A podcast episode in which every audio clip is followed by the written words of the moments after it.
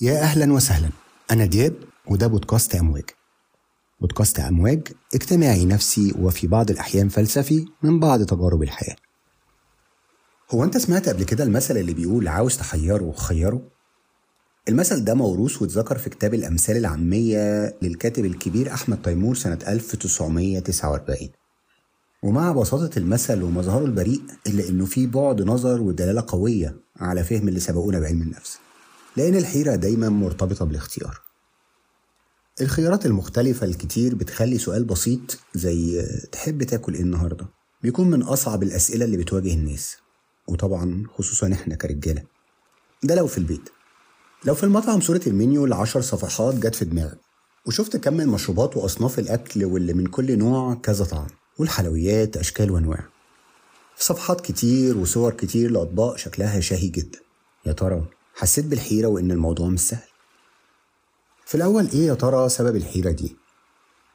إلفن توفلر المفكر والكاتب الأمريكي بيذكر في كتابه صدمة المستقبل لأول مرة مصطلح فرط الاختيارات ووصفه بأنه عملية إدراكية بيعاني فيها الفرد من صعوبة تكوين رأي أو تحديد قرار لما يكون قدامه أكتر من اختيار مناسب. بتتحول وفرة الاختيارات وهو موضوع من المفترض إنه إيجابي لحاجة سلبية. بتخلي الشخص مرتبك وعاجز إنه ياخد أي قرار من أي نوع واللي هو الشلل التحليلي. باري شوارتز عالم النفس بيشرح في كتابه The Paradox of Choice أو معضلة الاختيار ليه إن فكرة الاختيار نفسه حتى لو حاجة بسيطة زي إنك تختار تتفرج على فيلم موضوع صعب وساعات بتحس بالعجز وقلة الحيلة وتلاقي نفسك قفلت التلفزيون. أو إنك لما تروح مول تشتري بنطلون أو تيشرت أو درس فتلاقي اختيارات كتير متاحة. تلاقي ميزة تضيفها لمشترياتك أو تلاقي عيب فتلغيه من القايمة. ده غير المقارنات اللي بين المميزات والعيوب اللي فيها.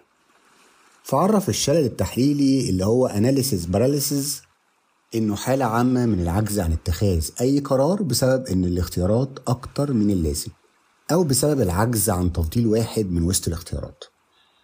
عشان كده فكرة الاختيار بتعتبر تحدي حقيقي مجهد للي بيختار وفي دراسة اتعملت في جامعة كورنيل في أمريكا بتقول إن الناس بتعتقد إنهم بياخدوا حوالي 15 قرار يوميا ليه علاقة بأكلهم. لكن الحقيقة إن إحنا بنفكر ناخد قرار في أكتر من 221 اختيار. نابليون بونابرت بيقول ليس هناك ما هو أكثر صعوبة وبالتالي أكثر قيمة من أن تكون قادر على اتخاذ القرار. التفكير في إن الإنسان مضطر ياخد قرار بيخلي شخص يحس بألم. وفي شخص تاني بيشغل نفسه بحاجة تانية عشان ما يفكرش في موضوع القرار. وفي شخص بيسيب القرار للحظة الأخيرة بيحاول يقنع نفسه واللي حواليه إنه بيفكر تحت ضغط. المبدأ العام بيقول لما يكون المزاج جيد بيساوي قرارات جيدة ولما بيكون المزاج سيء بيساوي قرارات سيئة. المزاج السيء ده بيكون أوقات الضغط والتوتر وضيق الوقت. وأنا مش بقول إن كل القرارات المتاخدة في الظروف دي قرارات سيئة. لكن الأرجح إننا بناخد قرارات أسوأ أو قرارات غلط لما بنكون في مزاج سيء. طيب ليه إحنا مش بنقدر نختار؟ بنقع في بعض الأخطاء وبناخد شوية طرق مختصرة لما بنكون قدام قرار وللأسف بنوصل في آخر الطريق للشلل التحليل حتى لو في اختياراتنا الصغيرة كمكان الأكل أو نوعه وهما ثلاث أخطاء أو بمعنى أصح ثلاث انحيازات. دماغنا متبرمجة عليها في اللاوعي أو السبكونشس وأول واحد فيهم اللي هو الانحياز للمألوف. والانحياز ده بيخلينا نرفض أي تغيير في الواقع اللي متعودين عليه. وده بسبب إن إحنا بنتعامل مع الواقع ده على إنه نقطة ارتكاز ثابتة ومستقرة. وبالتالي أي خروج عنه حتى لو كان في سبيل نتيجة أفضل غلط لازم نتفاداه. في مننا متمسك بالانحياز ده حتى في اختياره لأكله. فمثلا بيرفض تجربة مطعم جديد أو بيطلب نفس الطلب وممكن نفس المشروب من نفس المطعم. عشان دي نقطة ارتكاز معدته وما ينفعش يتحرك للارتكاز المهم ده. تاني انحياز وهو الانحياز لعدم الاختيار. وهو الاعتقاد بإن الضرر اللي هيحصل من إنك ما تاخدش قرار بنفسك أفضل من إنك تكون الشخص صاحب القرار حتى لو كانت لنتيجة واحدة. في مثال بيوضح الانحياز ده. في موظف ضعيف للأداء بالنسبة لمعايير الشركة أو اللي هي ال KPI في الحالة دي بعض الشركات بيخلوا بيئة العمل صعبة بالنسبة للموظف ده. بيزودوا عليه الشغل وال tasks أو مهام الشغل بشكل غير طبيعي على أمل إن الموظف يختار الاستقالة أو يغير الوظيفة بنفسه. وبالطريقة دي مش بيكون في مسؤوليات مالية على الشركة لأنها مش السبب المباشر في إن الموظف يتفصل. بس عملوا ده بشكل غير مباشر لما خلقوا بيئة عمل صعبة. لما بيختار الموظف إنه يستقيل ده بيعفي المدير من الموقف بدون الشعور بالخطأ. بيختار المدير الانحياز لعدم الاختيار عشان ما يحسش بالذنب لما الموظف يتفصل بسببه. وبيعتقد إن الاختيار الأفضل هو اللي مش محتاج مشاركة أو جهد. الانحياز الثالث وهو الدفاع عن الحرية. حاول تفتكر كم مرة رفضت تروح مكان معين لمجرد إن في شخص من الأشخاص فرضوا عليك. أو إنه منعك من اختيار أي مكان تاني. حتى لو كنت أنت في الأصل عايز تروح هناك. لو افتكرت موقف بالشكل ده فده كان رد فعلك اللي كان سببه في الأساس إنك تسترد حريتك وإنك تكون مستقل ومحدش ياخد منك حقك في الاختيار حتى لو كان القرار صغير أو تافه. طيب ليه بيخلينا الاختيار مش مبسوطين؟ طبعا غير موضوع الشلل التحليلي اللي قلنا عليه هنلاقي فيه كتير من الاختيارات عواقبها سلبية. في مصطلح اقتصادي اسمه تكلفة الفرصة البديلة. وهو عبارة عن تمن أو قيمة العرض اللي مخترتوش أو الطريق اللي ما مشيتش فيه يعني تسأل نفسك هل كان قرار سليم إنك تتجوز وتتخلى عن حلم السفر؟ ولا كان أحسن لو سافرت وأجلت موضوع الجواز؟ مش هتعرف أبدا أنهي اختيار أصح لكن الأكيد إنك هتراجع حساباتك من وقت للتاني وهتسأل نفسك هل كانت الأمور هتتغير لو كنت اخترت البديل؟ طيب إزاي نختار القرار المناسب؟ في الأول في أربع أنواع أساسية للقرارات. النوع الأول وهو القرار العقلاني وده أكتر نوع منتشر لصنع القرارات. وفي كورسات في تحسين صناعة القرار بتشرح وبتستخدم النوع ده واللي هو عبارة عن نماذج منطقية متسلسلة بتركز على مجموعة من الخيارات المحتملة وبتحدد الأفضل منها وده بيتم عن طريق تحديد إيجابيات وسلبيات كل اختيار وترتيبها حسب الأهمية. ولأن القرار العقلاني قائم على المنطق يعني لو عملت X المفروض يحصل Y ولأن الأمور مش دايما بتمشي في الحياة بالشكل ده فالقرار العقلاني مش بيكون الأنسب في كل القرارات. تاني نوع وهو القرار البديهي والقرار هنا ملوش علاقة لا بسبب ولا بمنطق معين ولكن معرفة داخلية أو بمعنى أصح نوع من أنواع الإحساس بأن القرار ده هو الصح اللي المفروض يتعمل. وفي أمثلة كتير على الإحساس ده. زي لما تسمع حد يقول أنا قلبي مقبوض أو بطني مكركبة أو عيني بترف أو ممكن الإحساس ده مبني على صوت زي صوت الكروان أو الغراب أو على ريحة زي ما قال أنس بن النضر يوم غزوة أحد قبل استشهاده لسعد بن معاذ الجنة ورب النضر إني أجد ريحها من دون أحد. وأنواع تانية زي رمي عملة معدنية أو الزهر أو التنجيم وحاجات تانية زيها. تالت نوع وهو المزيج بين العمليات العقلانية والبديهية. وممكن النوع ده يكون المقصود بيه لما يجمع الشخص بين العقل والإحساس. بقصد أو من غير قصد. يعني لو في شخص جمع إيجابيات وسلبيات الاختيار وده الجزء العقلاني لكن النتيجة النهائية مش مريحة بشكل ما وده الجزء البديهي. فهيبدأ يغير في ترتيب الأولويات بشكل مختلف لحد ما يوصل للنتيجة المرضية والمريحة أكتر. وياخد القرار بناء على التعديلات دي. رابع نوع وهو أنظمة دعم القرار ولأن الكمبيوتر بيقدر يعالج كميات كبيرة من البيانات بسرعة فبدأ الناس تستخدمه في المساعدة في القرارات.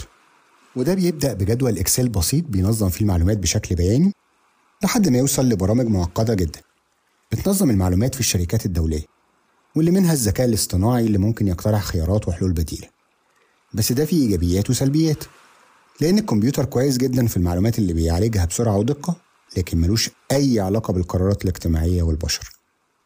جاري كلاين عالم النفس الأمريكي قضى وقت طويل جدا في دراسة صنع القرار البشري واكتشف إننا بناخد من 90 ل 95% من قراراتنا بطريقة التعرف على الأنماط يعني بنجمع المعلومات من بيئتنا وخبراتنا عن القرار اللي عايزين ناخده. وبعد كده نختار اختيار نعتقد إنه هينجح ونبدأ نتدرب عليه عقليا. ولو حسينا إنه هينجح ناخد القرار ده. طب لو ما نجحش؟ بنختار اختيار تاني ونتدرب عليه ونبدأ ناخد سيناريوهات ورا بعض. وبمجرد إن السيناريو معين نجح بنختاره. وبيقول إننا كل ما نكتسب خبرة كل ما هنقدر نتعرف على الأنماط أكتر وناخد خيارات أفضل بسرعة أكبر. ونقدر نقول إن النموذج الأمثل لجاري كلاين هو المزيج من الأساليب العقلانية والبديهية. طيب في نصايح وأسرار عشان تعرف تاخد قرارات عظيمة؟ ممكن تكون بعض الأفكار والنصايح دي مخالفة للرأي العام لكن بيستخدمها صناع القرار المؤثرين. استخدم النصايح دي مش بس عشان تاخد قرارات ناجحة لأ كمان هتخلي حياتك أسهل لنفسك. أول نصيحة حط نفسك رقم واحد. لما تاخد قرار خلي نفسك الأول. المهم إنك تكون أحسن كنتيجة للقرار ده. ممكن تحس إن دي أنانية. لكن ده أفضل من إنك تقضي حياتك إنك تعمل حاجات لناس تانية أنت مش عايز تعملها.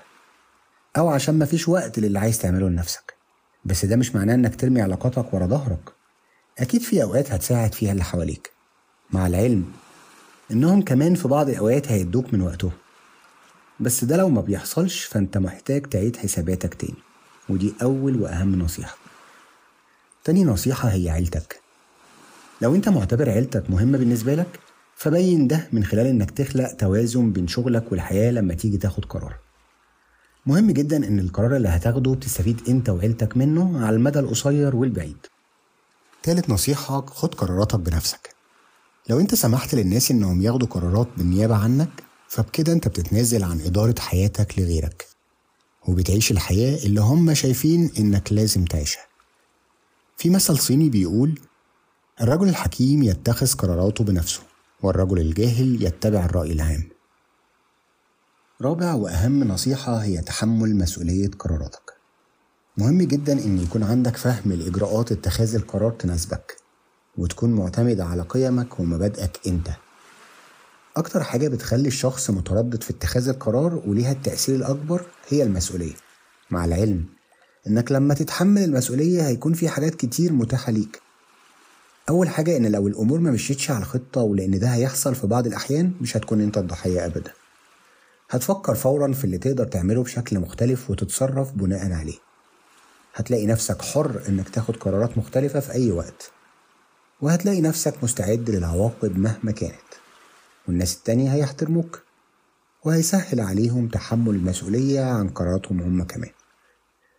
خامس نصيحة اعرف إزاي هتنجح. معظم الناس عايزين يعرفوا إزاي الأمور هتمشي بعد القرار قبل ما ياخدوه وده أصلا غلط في القرار وبيعمل نتائج عكسية. العالم فوضوي ولا يمكن تعرف إيه اللي هيحصل فيه. مفيد أكتر إنك تاخد الأمور خطوة خطوة عشان تاخد قرار. كل اللي عليك إنك تعرف الخطوة الوحيدة الجاية اللي هتقربك من نتائج. بعد كده بعد ما تاخد الخطوة دي قرر الخطوة اللي بعديها. طيب في جانب مهم في عملية صنع القرار واللي هو أنت. بعد ما تاخد القرار لازم تعمل خطوات معينة عشان تضمن إنك ماشي صح. أول خطوة هي التقييم والتحديث. مهم جدا تقييم اللي بيحصل باستمرار وهل اللي بتعمله هيوصلك للمكان اللي أنت عايز توصل له؟ لو ما كانش كده فممكن تحتاج تاخد قرار مختلف. طبعا أنت أكيد حاسس إن الكلام ده بديهي. بس للأسف في ناس بتعتقد إن بمجرد ما ياخدوا قرار معين لازم يلتزموا بيه حتى لو ما حصلش اللي هم عايزينه. توم روبنز بيقول التزم بقراراتك ولكن كن مرنا في نهجك. تاني خطوة وهي إذن التغيير. ادي لنفسك الإذن بتغيير رأيك في أي وقت. لو التزمت بحاجة قديمة مبقتش مفيدة ليك فاسمح لنفسك إنك تتخلى عن الالتزام ده. ممكن يكون تغيير رأيك هو الخطوة الأولى لتغيير حياتك وإنك تتعلم حاجة جديدة. تالت خطوة غير قرارك على مضض. ممكن تحس بتناقض بين الخطوة دي واللي قبليها. بس الناس الناجحة بياخدوا قرارات كبيرة وعظيمة فبيختاروا الأهداف وبيستمروا في استهدافها. بغض النظر عن العقبات اللي بتحصل إنما الناس غير الناجحة بيفشلوا يعملوا كده لأنهم بيستسلموا عند أول أو تاني عقبة ويغيروا رأيهم وياخدوا قرار مختلف. ولما يقابلوا عقبة كبيرة تانية بياخدوا قرار مختلف مرة تانية. فهل تعتقد إن الأشخاص الناجحين مش بيغيروا رأيهم؟ لأ طبعا بياخدوا قرار مختلف لو لقوا إن الهدف اللي بيسعوا له ما بقاش قابل للتطبيق. أو هيسبب ضرر أو حتى لو ظهر هدف أفضل. وبعد كده بيلتزموا بنسبة 100% بالقرار الجديد. لما تفكر تاخد قرار ما تضيعش وقت وجهد وطاقة في التفكير في إيه اللي هيحصل بعد القرار. استغل الوقت والجهد في القرار نفسه. اعمل الحاجة الصح حتى لو صعبة أو مش مقبولة أو حتى مش مريحة. مش هتعرف القرار الأفضل قبل ما تاخده. عشان كده خد القرار الأقرب وما تضيعش وقت. وبعد كده هتعرف وتتعلم ويكون عندك الخبرة اللي هتساعدك في قراراتك الجاية. ومش لازم تكون متأكد مية في المية من القرار. مفيش حاجة ثابتة والناس والحياة بتتغير. ولو عندك فرصة تستخدم أنظمة دعم القرار وال AI أو الذكاء الاصطناعي في شغلك ما تسيبش الفرصة دي. وخلي بالك إن عدم اتخاذ قرار أصلا قرار سيء من البداية. الجنرال جورج باتون بيقول عندما يتعين اتخاذ قرار اتخذه. لا يوجد وقت مناسب تماما لأي شيء. وأهم حاجة استخير قبل القرار وخد بالأسباب وتوكل على الله. لو عجبك البودكاست هطلب منك تعرفه لأصحابك. ولو شايف إن الحلقة مفيدة وممكن تساعد حد من أهلك أو أصحابك يا ريت تشاركها معاه وهكون مبسوط جدا لو سبت تعليق على الحلقة لأنه بيفرق جدا وبيخلي البودكاست ينتشر. وممكن تتابع أو تشترك في البودكاست وهتلاقيه موجود على معظم منصات البودكاست. ولو عندك رأي أو فكرة الحلقة ممكن تبعتها لي على منصة إكس أو اللي هو تويتر وهتلاقي الصفحة باسم بودكاست أمواج أو أمواج أندرسكور بودكاست وهرد عليك في أسرع وقت إن شاء الله.